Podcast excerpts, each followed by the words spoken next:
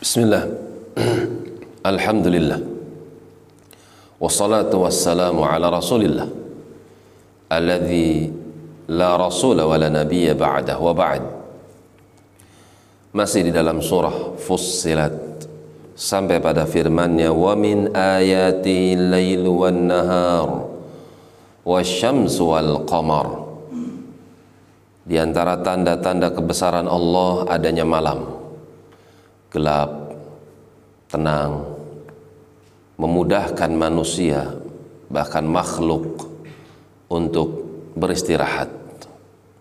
Wan nahar termasuk tanda kebesaran Allah adalah siang. Dengannya mereka bisa mencari kehidupan, mencari keutamaan dari Allah. Wasyams demikian pula makhluk yang bernama matahari dengannya bumi menjadi hangat.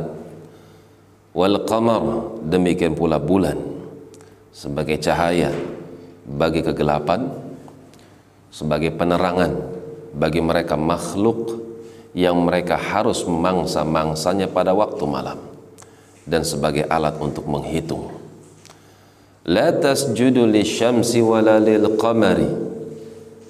Janganlah kalian sujud kepada syams, kepada matahari. Untuk apa kau menyembah matahari? Dia aku ciptakan. Wala lil qamari, demikian pula kepada bulan. Jangan kalian sujud kepada bulan. Aku yang menciptakan bulan. Dia makhluk yang diciptakan. Wasjudu lillahi alladhi khalaqahun. Sujudlah kalian kepada Allah yang telah menciptakan segala macam bentuk makhluk, matahari, bulan, bintang dan seterusnya in kuntum iyahu ta'budun. Jika kalian termasuk orang-orang yang ingin beribadah kepadanya maka ibadahilah dia semata. Jangan beribadah kepada makhluknya. Jangan beribadah kepada manusia. Baik dia nabi baik dia wali baik dia rasul.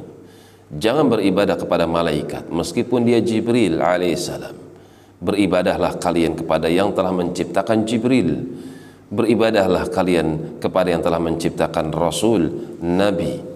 Beribadahlah kalian yang telah menciptakan wali. Mintalah berkah kepada Allah jangan minta kepada kepada makhluk. In kuntum iyyahu ta'budun.